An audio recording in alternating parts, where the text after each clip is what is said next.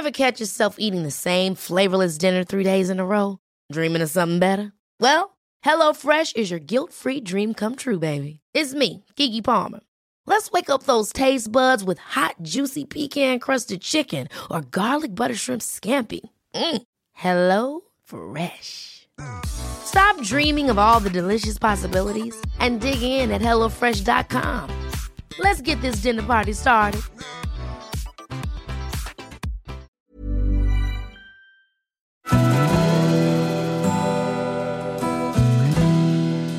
Välkommen till Stora relationsguiden. Podden där parterapeuten Anneli Östling tillsammans med sin sidekick Bella guidar dig genom allt som har med kärlek och relationer att göra. Följt av väl beprövade tips och råd.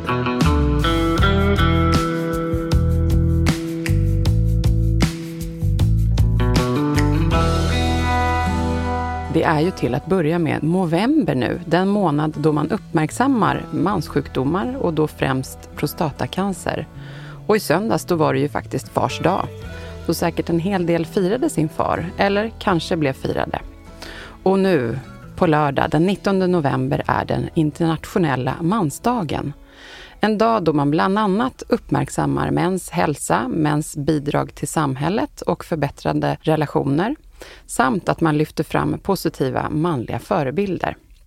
Vi frågar oss, har synen på män förändrats i ett samhälle som ständigt är i förändring? I det här avsnittet vill vi hedra mannen, men också belysa en del saker som också gjort det mera utmanande med att vara man idag. Vi ska också prata om hur mannen fått större betydelse och tagit mer plats i hemmet med familj och barn i ett mer jämställt samhälle.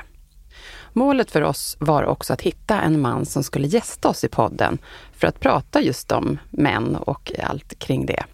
Vad kan vara mer passande än att få besök av just Jens Karberg från organisationen Män? Verkligen. Välkommen hit Jens. Tack så jättemycket. Vill du berätta lite mera om vem du är och eh, hur det kommer sig att du har engagerat dig i just det här viktiga ämnet? I det här sammanhanget passar det ganska bra. Jag är pappa. Eh, jag har tre tonårssöner. Så vi är en, verkligen en tonårsfamilj med mm. for good and for bad. Mm. Allt vad det innebär. Allt vad det innebär, precis.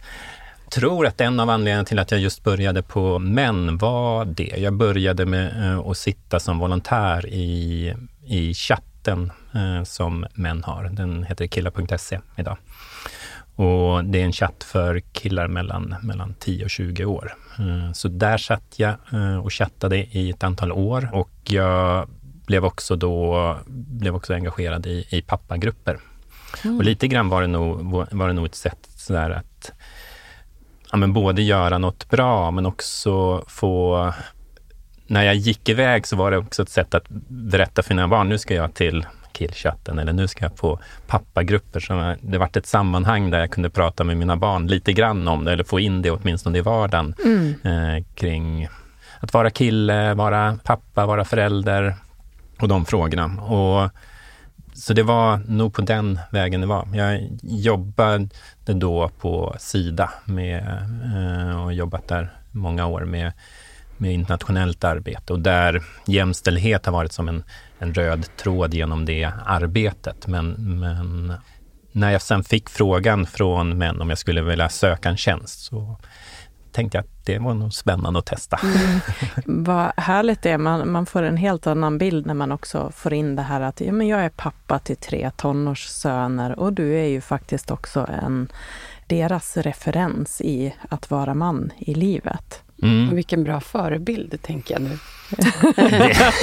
det vet, tycker, det vet, nej, det vet inte. Nej, det vet inte någonting, tänkte jag säga. Nej, men att engagera sig i de här ändå viktiga frågorna, vara ett stöd till killarna i den här chatten till exempel. Mm. Och, det kan jag känna lite grann som en press att liksom jobba mm. som med föräldrar, kanske utifrån ses som någon expert på föräldraskap. Jag tror att på ett vis är vi alla experter i vårt föräldraskap, men på ett annat vis så är vi all, alla ganska liksom ja, men de, de saker som kan vara jobbiga är jobbiga oavsett, Mm. tror jag, vilken kunskap eller er, liksom, eh, kunskap framförallt man har. Eh, Mm. Sen handlar det om att bygga erfarenheten med sina egna barn och det är alltid svårt. Det Mm. finns inte liksom, den perfekta föräldern, det Nej. tror inte Nej. jag. Och, Nej, men det och- håller vi med om såklart. Så är det ju. Ja, och vi har Ja. nyligen haft ett avsnitt som handlar just om att, att vara referenser Mm, för mm, våra barn. mm. Så det här blir ju en bra Mm. uppföljning.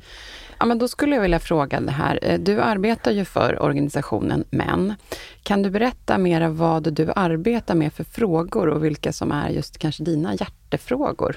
Dels är jag ansvarig för vårt arbete med jämställt föräldraskap. Så det är mitt huvudområde. Och sen så jobbar jag också delvis med, eh, vi arbetar mot kommuner eh, och stödjer dem i deras arbete, utvecklingsarbete kring att förebygga våld inom Mm. kommunen. Så antingen så utbildar jag processledare eller så är jag med och leder processen för kommunen så att säga i det arbetet. Så det är de två huvudsakliga arbetsuppgifter som jag har. Men huvuduppgiften är just att vara ansvarig för vårt arbete med jämställt föräldraskap. Och det är väldigt brett arbete kan man säga med i den mån vi, vi lyckas så vill vi liksom ta in alla delar av samhället. När man, föräldraskap baseras ju väldigt mycket på normer och, och förväntningar i, i samhället på Mm. hur vi som föräldrar ska vara, hur man ska vara som mamma och hur man ska vara som pappa. Och när man ska förändra normer eller förändra hur,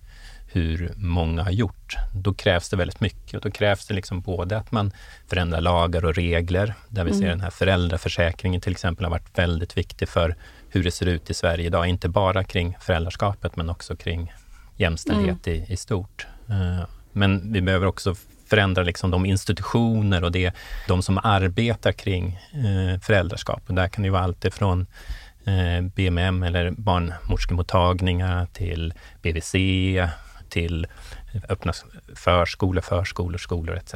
Mm. Ja, man kan tänka sig att det finns otroligt mycket platser att, att vara Ja, på. ja.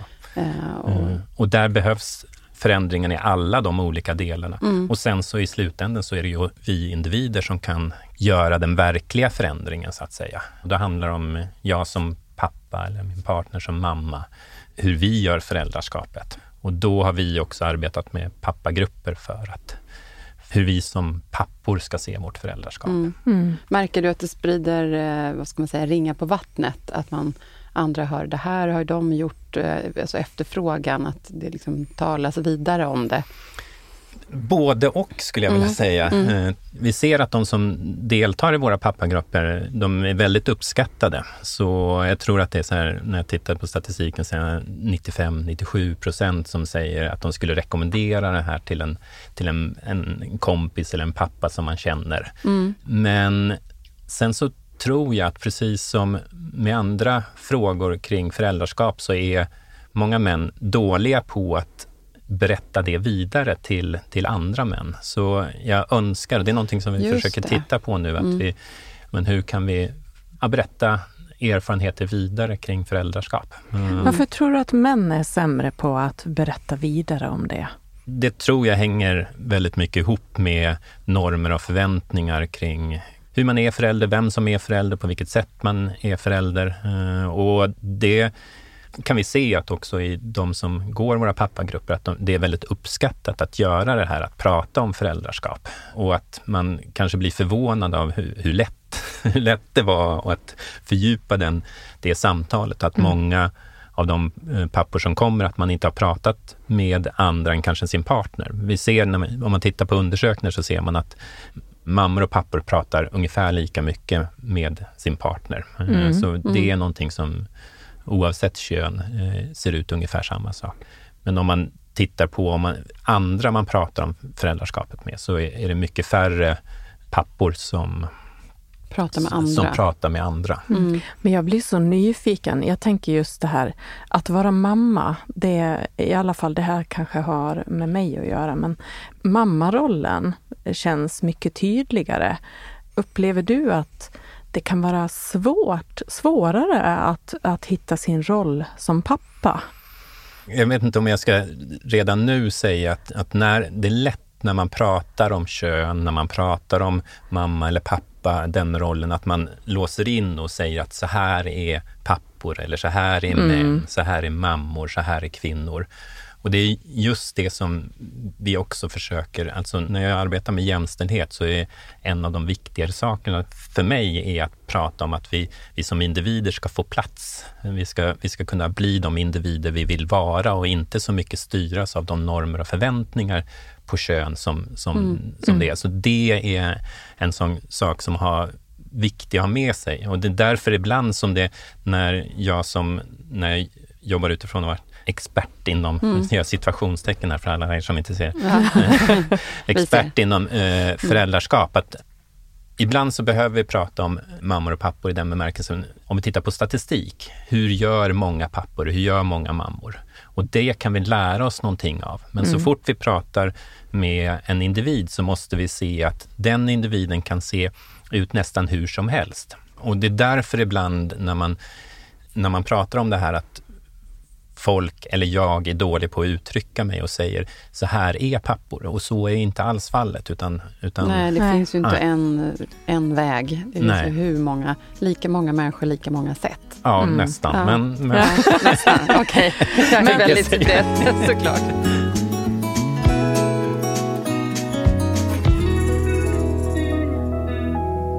Vilka vänder ni er till? Jag förstår ju att det är privatpersoner och eh, företag och organisationer eller är det till och med politiker? Jag såg dig i någon video där Mm. du blev intervjuad runt hur företag förhåller sig i de här frågorna. just det. Kan du berätta lite mer om det? Alltså hur ledningar kan bli att påverka men det är ju en del av det som jag försökte när jag pratade om vad, vad behöver förändras. Eh, så är det ju liksom alla delar i samhället. Politikerna är jätteviktiga. Om vi tittar på den föräldraförsäkring som vi har idag, så har den varit helt avgörande för att ja, men hela egentligen vårt samhälle ska ligga, om man tittar internationellt, i framkant vad det gäller jämställdhet. Och hade vi inte haft, dels så fick vi en föräldraförsäkring 74 som, som gjorde att vi kunde dela lika, men det tog ytterligare 20 år fram till mitten av 90-talet när en, endast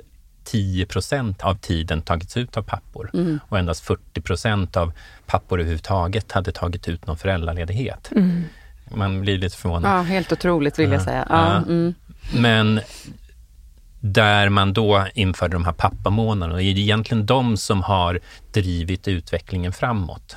Först en månad och nu tre månader, där vi inte kan, som vi inte kan dela med oss av. Så ni ser någonting positivt med det? Helt nödvändigt. Om man tar exemplet i Island till exempel, där ser man att, att där gick man från några år från 0 till 30 procent för att man gjorde en tredelad försäkring där en tredjedel var kopplad till ena föräldern och en tredjedel till andra föräldern och sen den sista tredjedelen kan man välja lite som. Och bara på några år så gick man från noll uttag av pappor till 30 procent av pappor. Så hur man, vilka lagar och hur de lagarna är, är gjorda är, är avgörande för, för den här frågan. Och därför tycker jag att, att vi skulle fortsätta i Sverige också. Man kan se nu att, att under de senaste fyra åren så har inte uttaget av pappor ökat någonting. Vi har legat kvar på de 30 procenten som, som vi har haft. Så det, det har blivit en utplaning av Du som brinner för det här, vilket budskap ger du då när du, när du jobbar gentemot företag eller om du sitter i någon panel runt det här? Alltså vad vill du säga till de här ledningsgrupperna? Vilket är ditt budskap för att hjälpa den här förändringen framåt? Det är nog väldigt olika beroende på vilket företag. För man kan ha olika syften intentioner med varför man vill göra det här. Min grundintention är ju att vi, vi ska ge alla samma möjligheter, skyldigheter och rättigheter på något vis. Det är det som jag kommer, kommer in med. Eh, I jämställdhet? i, jäm- ja, men överhuvudtaget att vi som individer, oavsett vilket kön vi har, ska ha samma möjligheter, rättigheter och skyldigheter. Men från ett företagsperspektiv så kanske inte det som är, är utgångspunkten, utan det kan finnas andra, andra saker. När, när Spotify till exempel ändrade sina, de gjorde så att, att alla som jobbade, även globalt, kunde ta ut föräldraledighet, och betald föräldraledighet eh, sex månader, så var ju inte deras, åtminstone inte det enda enda intention att det, det, skulle, det här med samma rättigheter och skyldigheter, utan deras utgick ju också väldigt mycket från ett företagsperspektiv. Och det ena var att man, hade, man såg att, att det räckte inte att rekrytera personal från bara ett kön. Vi behövde rekrytera all personal, mm. eller liksom ha möjlighet att rekrytera från all, all eh, möjlig, oavsett kön. Och då såg man att det här skulle kunna ge en möjlighet och det har ju också väldigt tydligt blivit så att man har gått från, från nästan 50 procent till, till 60-40 eller någonting sånt senast jag, eh, jag tittade. Och det man också eh, som en del av det här, man fick ju väldigt mycket uppmärksamhet kring det här, så varumärket, mm. både i rekryteringen, eh, gav möjligheter. Men man blir en attraktiv arbetsplats. Man blir en attraktiv ja. arbetsplats. Det finns olika saker i det här som, som är viktiga, så att säga, att se möjligheterna i det. Ibland så får man försöka att se vad företaget, varför gör man det här? Och hur en ledning till exempel pratar om eh, de här frågorna blir oerhört viktiga. Och när vi ser att, att väldigt mycket så en arbetsplats blir som en slags bubbla. Vi befinner ju, jag har ju väldigt mycket tid på en arbetsplats och den blir ju en slags bubbla och eh, då kan man säga att den normen är kanske en av de viktigaste normerna för hur, hur vi faktiskt sen gör. Just det, mm, om det... inte andra går och delar på sin mm. föräldraledighet mm. så kanske man inte själv vågar säga, Nej. jag vill också vara hemma så här Nej. länge. Mm. Men det är ingen annan här som har varit det. Nej, alltså, man är lite rädd för att vara den som bryter då normen. Precis. Men då, därför behöver vi börja på ledningsnivå såklart. När vi har gjort undersökningar så ser vi att där pappor som har tagit ut och varit föräldralediga i mindre grad är oroliga för vad kollegor och chefer ska tänka än, än pappor som tar väldigt lite föräldraledighet. Där är man mer orolig för vad en, en, en kollega eller chef ska säga. Och det kan ju bero på både egna erfarenheter men också andra saker. Mm, där märker man ju, det, där finns det verkligen någonting att jobba med mm. för företag. Ja, men tack snälla. Jag tänker att vi går vidare lite här ehm, och vi närmar oss nu den här internationella mansdagen. Vilka saker skulle du vilja lyfta som de viktigaste när det gäller män en dag som ska tillägnas just mannen? Och i den tid som vi lever i precis nu, Mm. Stor fråga. Stor fråga ja. och jag liksom ja. kommer tillbaka till den här känslan av att, att vad heter det, dels att jag inte är någon mansexpert, så jag Nej. har inte de, de kunskaperna, men också, också att det, det är så lätt min ambition är att vi ska bredda ramarna. Eh, mm. Vi ska kunna göra de val vi vill göra oavsett kön. Mm. Så, så när man säger nu ska jag berätta hur ni män ska göra, så, blir, så hamnar man redan där, tycker ja, jag, ja, gör fel. Mm. Mm. Och, så det tycker jag gör det svårt. Men alltså, om jag tittar på många män som kommer till våra pappagrupper till exempel. Mm. Där beskriver man ju väldigt mycket sin relation till sitt barn och hur viktig den relationen är. Och det är också någonting som vi ser när vi gör undersökningar, så vill pappor och mammor vara väldigt nära och delaktiga mm. i sitt föräldraskap. De vill också dela lika. Det de, eh, när vi gjorde State of the Nordic Fathers, som var en undersökning i, i Norden, då, mm. så såg vi att tre fjärdedelar av både mammor och pappor ville dela lika. Mm. Eh, och både mammor och pappor uttryckte också att de hade kunskap att göra det. Men ändå ser inte siffran ut så? Och ändå ser Nej. inte siffran ut. Männen trodde till och med att de, eller trodde, det, en del av dem hade säkert rätt, men männen sa att vi delar lika. Mm. Men det sa inte kvinnorna så att säga. Så om man är pappa och är förälder så, mm. så tänker jag att väldigt få tror jag ångrar är att ha tid och eh, tid att vara tillsammans med sitt barn. Mm.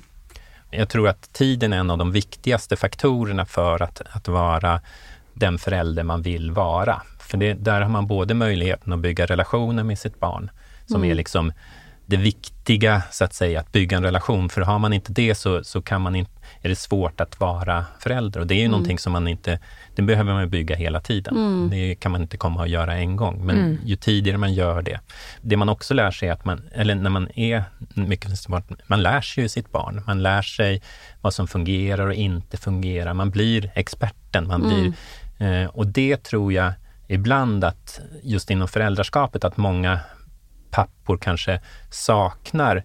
Och jag tror att det kan bero på att vi män, pappor, är sämre på att ta, ta ut en lång föräldraledighet. Så man får inte den här möjligheten att bygga sin kunskap och erfarenhet på samma sätt som mammor. För mm. där finns det, om vi kommer tillbaka till ni frågade om, om normen, för där finns det en, en mycket större förväntan på att mammor ska vara hemma länge, de ska vara hemma tidigt. Om man vänder på vad händer om eh, en eh, kvinna är hemma tre månader och mannen mm. nio, vad händer då? Hur tittar man på kvinnorna där då också? Det finns ju mycket att jobba med här, det känner man ju. Ja, precis. Och där såg vi också i den här uh, undersökningen vi gjorde att, mm. att mammor som går eller går, börjar arbeta tidigare känner sig som dåliga föräldrar. Och det tänker jag hänger väldigt mycket ihop med den här föräldranormen. Mm. Medan pappor känner sig som bättre föräldrar när de är hemma längre. Och mm. det här, där tror jag att det är jag tror att det är viktigt att vi får dela det här ansvaret och mm. jag tror att det kan hjälpa många föräldrar att bli bra föräldrar. Jag, jag är lite envis nu. Mm. Jag går tillbaka till det här. Det finns ju en internationell kvinnodag. Mm. Och hade vi suttit här och pratat om den så kanske det hade varit lättare att liksom hur mm. ska vi lyfta kvinnorna mm. och hur mm. ska vi stötta kvinnorna? Men nu när vi sitter och pratar om internationella mansdagen, mm. vad är det som blir skillnaden här? Ja, dels så tror jag att ja, vi kommer ju från ett patriarkat där män har haft, haft mera makt mm. eh, och fortfarande har i många, när vi mäter många parametrar så har män fortfarande bättre löner och, och, och, så. Så jag tror att det delvis kan vara en, en sån sak. Mm. Eh, en sån här sak som jag önskar att ja, men normen att samtala om sin, hur man mår och hur man känner och den, är det någonting som jag, jag skulle önska att fler män tog sig tid att göra. Och det ser vi också på Ja, men om man tittar till exempel på BRIS, deras eh, eh, stöd för barn, mm. så är det 11 procent av de som, som kontaktar dem som är, är pojkar. Ja. Och det mm. speglar ju inte verkligheten, Nej, så att säga. Klart. Utan det handlar väldigt mycket om normer och förväntningar. Och den, mm. när vi startade killar.se så var det just där som vi ville börja att se, för att visa mer killar kan också prata om de här frågorna. Mm. Och jag tror att det är också en av anledningarna till att killar.se idag är största chatten för pojkar. Grattis! ja, ja grattis killar, tänker jag. Ja. Grattis alla killar! Mm. Ja. Jag tänker att, att, om man önskar någonting för män är att vi kanske var bättre på att ta vara på våra relationer, på våra samtal, på att lyssna på andra. Jag tror att just en sån sak att, att arbeta med sina relationer, att ge män möjligheten att, att samtala kring relationer skulle vara en, en sån här jätteviktig sak. 70 eller 75 procent av de som tar självmord är män. Jag tänker att förändra den normen kring att ta, söka hjälp, att eh, få våga. till samtal, mm. våga prata om att man mår dåligt. Mm. Och våga eh. prata om sina känslor också. Ja. Och det är många konstigt. män som gör mm. det, men det är många mm. fortfarande som inte, inte gör det. Och, och hjälpa dem, eh, få oss män att se att det är också vårt ansvar att göra det, tror jag skulle vara någonting som skulle vara bra för hela samhället, män och, och mm. kvinnor. Men kan du se en tydlig, för mig är det väldigt tydligt, mina, i min generation, eh, föräldrarna, papporna över oss, otroligt eh, på ett helt annat mm. plan än vad mina vänner och, och man mm. och så, när det kommer till jämställdhet. Det är så, nu är det inte alls tänkbart nu i mitt umgänge att, att ha de här icke-jämställdheten, i alla fall runt omkring mig. Sen kanske det ser lite mm. olika ut. I yngre generationen, det är som att, va? Det är inte ens tänkbart, för man kanske inte haft då de som är 20 år idag, de har, deras föräldrar i alla fall, män, är mycket jämställda. Ser du någon tydlig Alltså det, Känns det som en positiv trend i, i, i, generellt? Ja, men det skulle jag vilja säga att det har hänt jättemycket i Sverige. Mm. Om vi tittar över de liksom senaste hundra åren så har det ju skett enorma mm. förändringar. Såklart. Det är ju precis hundra år sedan kvinnor fick eh, röstade för första ja. gången. Mm. Men det är massor med sådana förändringar som sker. Men det är väldigt svårt ibland när man jobbar med de här frågorna att se förändringarna i i nuet. En tydlig... Ja. Det, nej, det... Men min pappa var ju inte hemma någonting med, med mig när jag var, var liten. Där har det, tänker jag, att vi flyttar fram och förändrar hela tiden. Men det, det, krävs hela tiden att vi gör ett arbete, för vi har väldigt lång väg att gå, så att mm. säga. Mm. Uh, idag så tar kvinnor, de två första åren, så tar kvinnor ut 80 procent av föräldraledigheten och män 20. Och det betyder att män tar ut ungefär 3,5 månad och kvinnor tar ut ungefär 14 uh, månader. Det är så pass stor skillnad? Alltså. Ja. Mm. Har man då två barn så är det helt plötsligt 30 månader och ett halvår för män. Och då kan man också ja. förstå hur det också påverkar varför kvinnor har lägre lön, varför de framförallt har lägre inkomst, för att man har, jobbar också, oftast är det kvinnor, efter att man fått barn så är 50 procent av kvinnorna tar ut, eh, förkortar sin arbetsdag, men mycket, betydligt mycket mindre. Mm. Och det gör att idag så har kvinnor ungefär 73 procent, har jag för mig, sista, eh, av, av pension, av en mm. mans pension. Man är oftare sjuk, upp till dubbelt så mycket mer sjuk från att man blir mamma tills från innan när man var mamma till exempel. Ja, vad otroligt tydligt det blir när du pratar ja. om de här procentsiffrorna. Mm. Man bara känner att man absolut vill, behöver göra förflyttningar. Ja. Så det är ett jätteviktigt jobb ni gör med och, det här, måste jag säga. Och där tror jag, för att komma tillbaka till den här frågan, så tror jag att det kan vara enklare att se vinsterna, nu gör jag situationstecken igen, vinsterna mm. med att jämställdhet för kvinnor, att man ser att man har möjlighet till kanske både makt, pengar, yrken, arbete. Mm. Men det är svårare att se liksom, men vad är vinsterna för mig som man? För att de värdena kanske inte heller har varit lika uppvärderade. Men det där är ju jätteintressant för mm. att eh, jag tror ju att eh, när det väl kommer till kritan så är det ju våra relationer som betyder mest i våra liv. Så det blir ju ganska tydligt att om det blir en mer större balans här mellan kvinnor och män så kommer alla att må lite bättre tillsammans. Ja, det är i alla fall eh, en av förhoppningarna. Ja. Eh, jag tänker att, att bygga relationen till exempel till sitt barn, så tror jag att, att jag vet inte, jag, jag har inte själv läst det, men det var en kvinnlig sjuksköterska som jobbade med patienter i sista, de sista åren som skrev just de här med, kring att, att det var väldigt många som önskade att man hade byggt sina relationer mycket mera. Ja. Det är ingen som önskar att man hade haft mer pengar eller mer, ett, jobbat mer. och jag tror att det ligger väldigt mycket i det.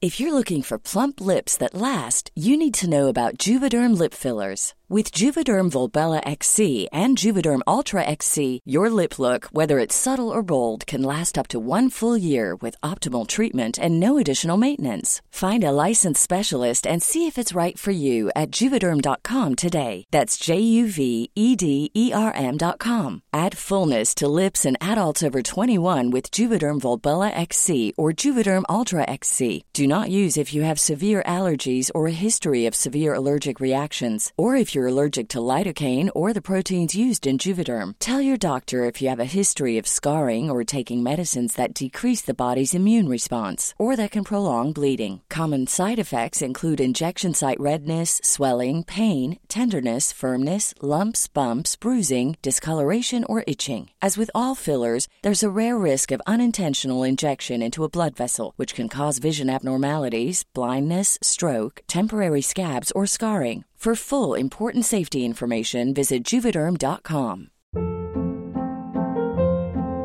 Hold up. What was that? Boring. No flavor. That was as bad as those leftovers you ate all week. Kiki Palmer here, and it's time to say hello to something fresh and guilt-free. Hello Fresh. Jazz up dinner with pecan-crusted chicken or garlic butter shrimp scampi. Now that's music to my mouth. Hello Fresh. Let's get this dinner party started. Discover all the delicious possibilities at hellofresh.com.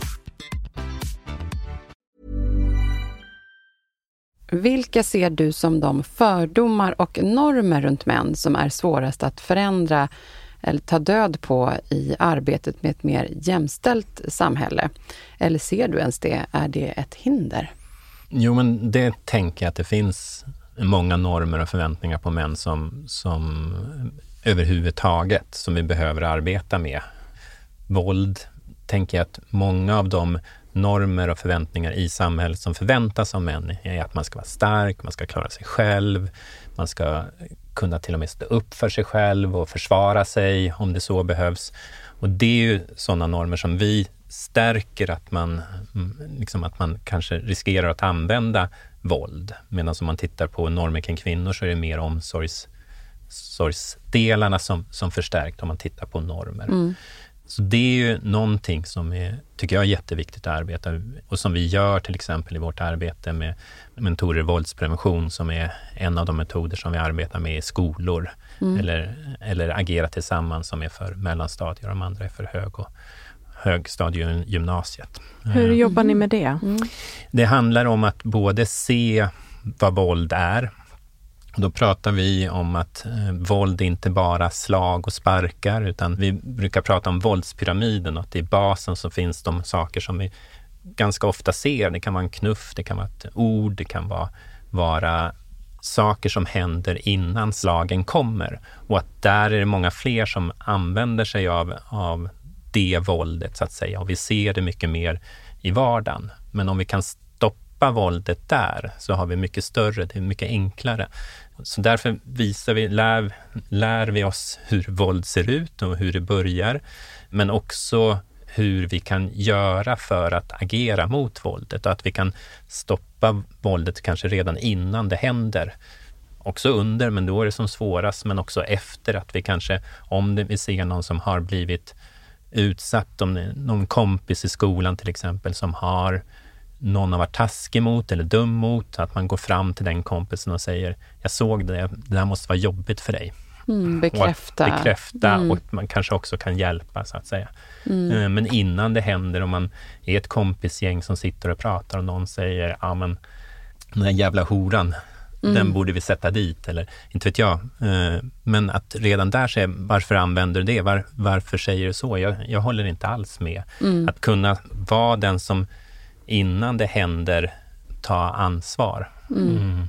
Och det är ju jättesvårt. Och det är därför som man i de här äh, utbildningen eller det arbete som vi gör också, man lär sig att testa olika situationer där man får testa hur det funkar i, mm. liksom i, i klassrummet eller i en situation hur, hur man skulle jag göra? Är det som att spela lite teater tillsammans? Ja, eller? men lite så. Att man ja. sitter tillsammans och, och, pratar om hur skulle vi göra den här situationen ja. eller får agera tillsammans och testa. Mm.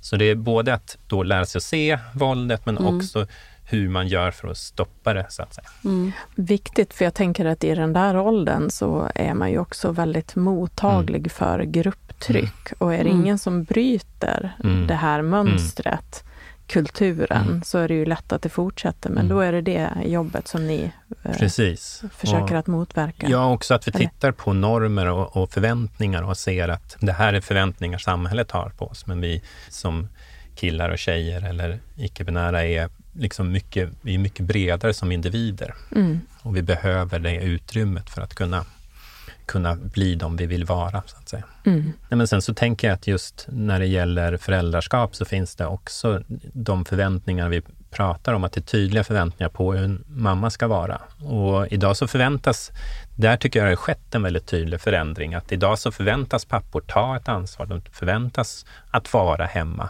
Över 90 procent av, av alla pappor är hemma. Så där har kommit en tydlig normförskjutning, men det, det är fortfarande så gör man så är den normen svagare än när man tittar på normen kring mammor. Mm. Och därför så är mammanormen mer styrande för de flesta.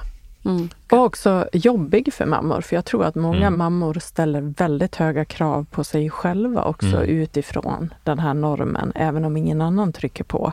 Verkligen, och jag tänker att jag hör ganska ofta, men allt ifrån att man, man kanske inte mår så himla bra som förälder eh, en tid. Och det är ju jättevanligt med psykisk ohälsa när man blir förälder. Och att inte känna sig överlycklig som förälder är ju någonting också som kan vara väldigt jobbigt. Och det här är något som både mammor och pappor drabbas av. Och om vi breddar också där föräldranormen och säger ja, det, det kan vara jättehäftigt att få barn, men det kan också vara jättejobbigt. Mm. Att man tillåts att, att liksom också söka hjälp för den typen och få stöd där, för det finns ju massa stöd att få. Och oftast så är vi ju också tillräckligt bra föräldrar oavsett när vi har en sund syn på sitt föräldraskap, även om man kan hamna i psykisk ohälsa. Ja, absolut. Och där är det ju väldigt bra om man, man är flera viktiga vuxna runt barnet som kanske kan ta extra stort ansvar om, om någon mår stötta, dåligt. Så att säga. Mm. Stötta familjen eller stötta mm. barnen, mm. föräldrarna för den mm. delen. Mm. Mm.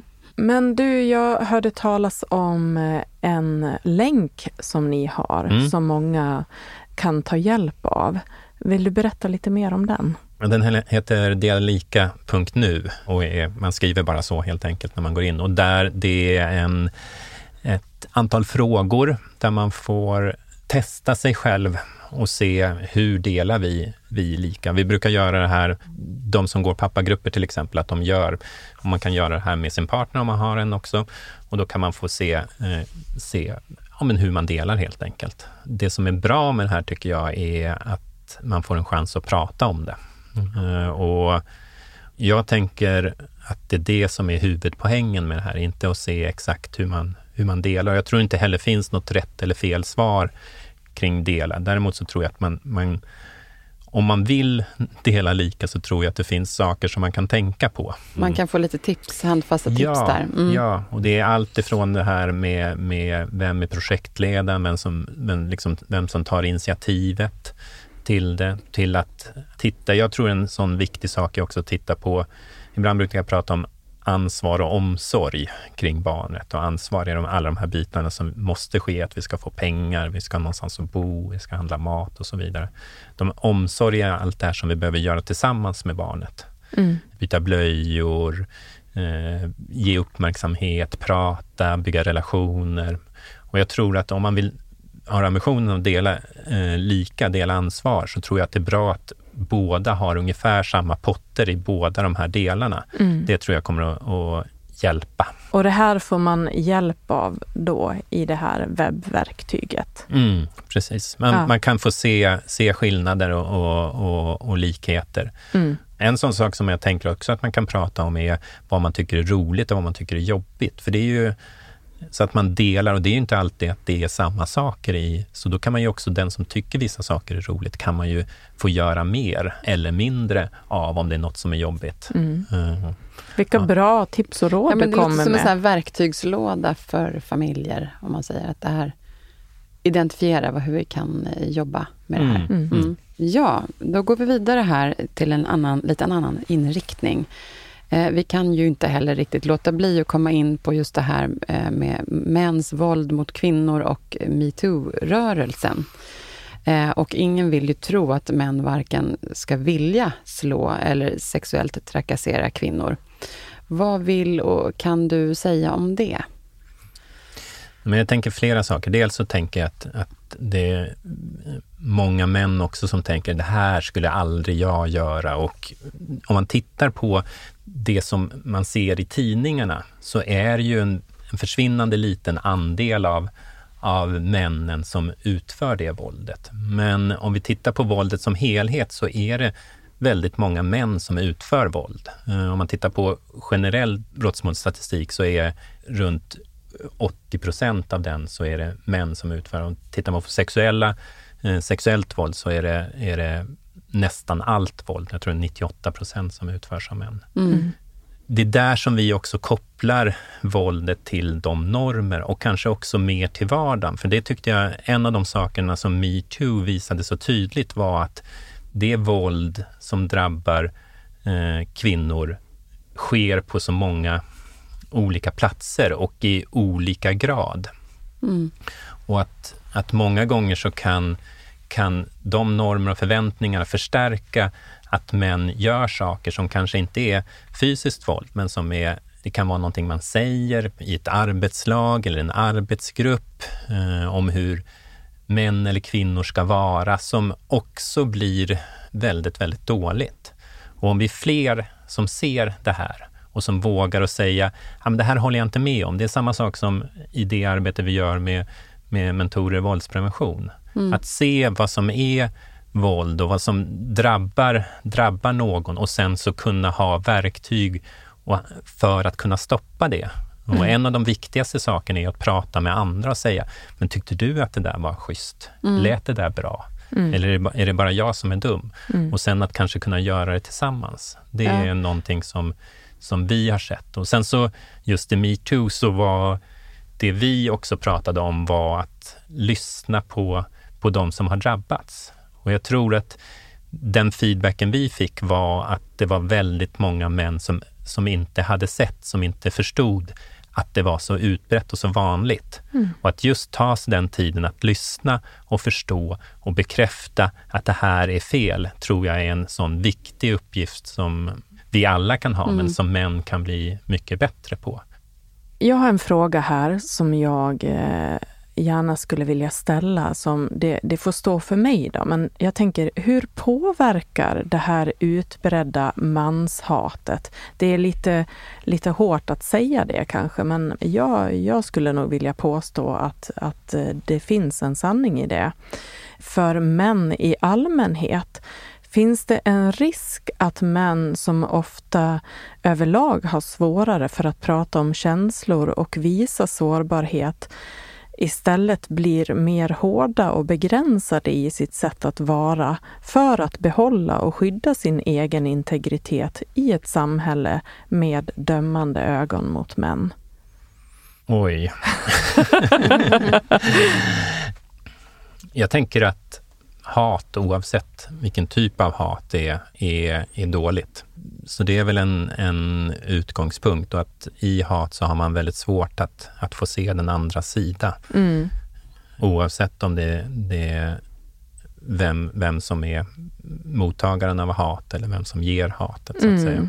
Om vi glömmer ordet eh, manshat mm. då, fördomar mot män. Jag tänker alla fina unga killar mm. som också har fått ta del av det här. Mm. Har du märkt av någonting hur pojkar och unga män har påverkats av det här? Ja, jag tänker att det som, som jag tror att eh, en del eh, män och pojkar kan känna när, när man pratar om jämställdhet är att man för det, vi pratar ju ofta om ett patriarkat där männen har mer makt. Mm. Och jag tror att det är väldigt många män som kan känna att man inte har den makten. Och det tror jag är någonting som är viktigt att, att lyssna på. För det är ju när man pratar om makt och så är det väldigt många områden som, där kön är ett sätt att, att definiera makt. Men det finns ju många andra områden. Om jag har en utbildning till exempel, så kanske jag kan hävda mig mera. Om jag är uppvuxen och född i Sverige så kanske jag på ett sätt passar in i normen mycket mera. Bor jag i stad eller landsbygd? Är jag, har jag funktionsvariationer eh, eh etc. Så när vi pratar om makt så är den väldigt flyktig på ett vis och det kan vara svårt att, att eh, känna att jag identifierar mig med den som har makt, pengar eller vad det nu är som man bygger in i, i det. Och då tror jag att, att det finns en risk att, att man kan känna sig vill säga att Nej, men det här som jag hör, det ni säger, det, det tycker inte jag stämmer. Det här är fel. Och det kan jag förstå. Och där tänker jag att vi behöver bli bättre på att, att se olika perspektiv. Mm vi hade ett projekt som nu, eh, eller vi har haft flera projekt som arbetar just med, med unga män och att se hur kan vi samtala om de här frågorna? Vad, vad är viktigt att belysa och fundera kring när man pratar om de här frågorna? Det tänker jag alltid, alltid är viktigt så att säga. Det är det här samtalet mm, mm. som ska få pågå Ja, och det är, det är där som det blir så svårt när det blir ett hat. Ja. För att komma tillbaka till, till det ordet, så att säga. Mm. Att det är i samtalen som förändringar kan ske. Det är när vi, när vi får en förståelse för den andra personen och, och vad man själv bär med sig som man också kan ta steg framåt. Ja. Mm. Men jag tänker bara det här med makt som du pratar om, som, som också är en del av en norm som på något sätt blir att förknippas med män. De män som inte känner av den här makten, kan den normen i sig bli att de männen eller unga killarna känner sig ännu mer vilse? Det är ju det som är problemet med alla normer, så att säga. Att om, om, man, om man har en förväntan på sig och känner en förväntan på sig att, att vara en person som kommer tjäna mycket, ha mycket pengar, ha makt etc. Mm. Och att man inte lyckas fylla upp de skorna, så att säga. Det är ju, Mm. det som, det är ju en, en del av att det är jobbigt att ha de förväntningarna på sig. Ja. Och det är därför som också jag tänker att det är viktigt att, att bredda, vad är värdet? Vad vill jag fylla mina, mina skor med, så att Mm. säga, som, är, som kan vara delar av, av en mansnorm. Men, men när, vi, när vi pratar, när vi, ganska ofta när vi möter ungdomar så pratar vi om en låda som är manslådan och kvinnolådan och vad fyller vi den? Vad är det för normer som vi fyller den med? Mm. Eh, och när man tittar på den så, så ser man ju väldigt tydligt att ja, men det är ingen som är så, eller, eller så. Utan det viktiga är att få, få plocka delar, de Mm. delar som jag som individ vill bära med sig. Och det handlar ju om den här rättigheter, möjligheter och Mm. skyldigheter. Och Mm. vem man vill vara. och vem man vill vara. Ja. Nu tänker jag här, för att ge lite tips till män där ute som eh, behöver eller vill ha stöd. Vad har du någonting att rekommendera då? Det beror på vad man vill ha stöd med såklart. Ja, Eh, men om, det- det kan finns- du ta några exempel här? Ja, killar.se som jag Ja. verkligen tycker att om man är ung kille eller man 10 till 20 till då? 20 någonstans där. Men vi, Mm. alla är ju anonyma så man behöver liksom inte uppge sin ålder. Men där kan man få samtala med någon om vad som helst egentligen. Det kan vara om att man mår dåligt eller att man inte, känner att man inte har vänner eller om kropp och snopp. Alltså det kan Mm. vara vad som helst egentligen. Så det tycker jag kan vara ett ställe man kan vända sig till. BRIS är ju för alla, så dit kan man också vända sig. Mm. Eh, som pappa kan man gå med i en pappagrupp. Vi har pappagrupper på vår hemsida män.se eh, som man kan titta på. Mm. Och nu håller vi på att starta upp ett projekt som heter Pappor i separation, som är ett projekt Mhm. som vänder sig till pappor som funderar på separation har, eller har påbörjat genomgått en, en separation. Eh, och det här projektet har vi precis i uppstarten, så vi, vi håller på att bygga verksamhet kring det. Eh, men om man vill veta mer så kan man gå in på vår hemsida. Vi är jättetacksamma att vi har fått det finansierat genom Allmänna arvsfonden, ett treårigt projekt som vi Åh, vad bra. Ja. ja, hoppas eh, jättemycket på. Så där skulle man kunna vända sig. Eh, men som förälder kan man ju också alltid vända sig till BVC eller vårdcentraler. Rikskriscentrum är ett ställe som samlar organisationer som stödjer, stödjer män i kris helt enkelt. Eh, så där kan vara ett sätt att vända sig. Mhm. Mind. Ja, tycker jag också är en jättebra bra. De har både självmordslinjen men också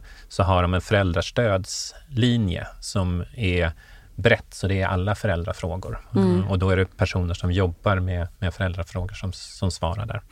Ja, Mm. Vad bra tips. Det fanns ju många ställen Mm. att vända Ja. sig till. Mm. Vi får se till att få med det här så att vi skriver ner det så att våra lyssnare som är med oss kan eh, ta del av de här. Mm. just det. Ja, Mm. Ja. Jätteviktigt. Vi är så glada att vi fick ha dig med här i podden idag. Och vi förstår ju självklart att du inte sitter på alla svar.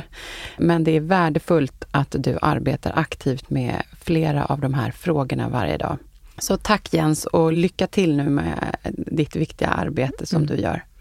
Tack Jens. Tack så jättemycket för att jag fick komma hit. Innan vi avslutar så vill vi berätta då lite om nästa veckas avsnitt som handlar om vad som kan hända i och med en relation när man har en obalans eller distans i relationen. Då uppstår lätt en ängslighet som i sin tur är direkt skadlig för relationen. Man behöver känna trygghet med varandra i relationen för att det ska vara en sund relation. Så mer om det nästa vecka. Tack till våra lyssnare och stort tack till vår producent och klippare som också heter Jens eh, här från Stray Dog Studios. Och på lördag den 19 november är den internationella mansdagen och då hyllar vi männen vi har i våra liv. Och sen är vi tillbaka nästa vecka igen, så vi hörs då. Tack, tack, tack.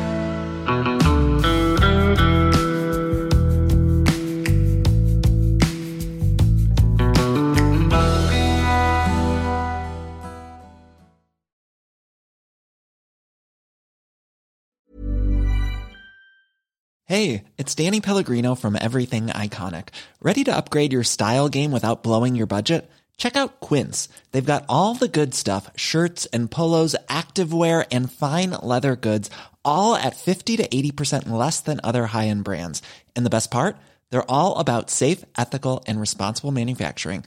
Get that luxury vibe without the luxury price tag. Hit up quince.com slash upgrade for free shipping and 365 day returns on your next order. That's quince.com slash upgrade.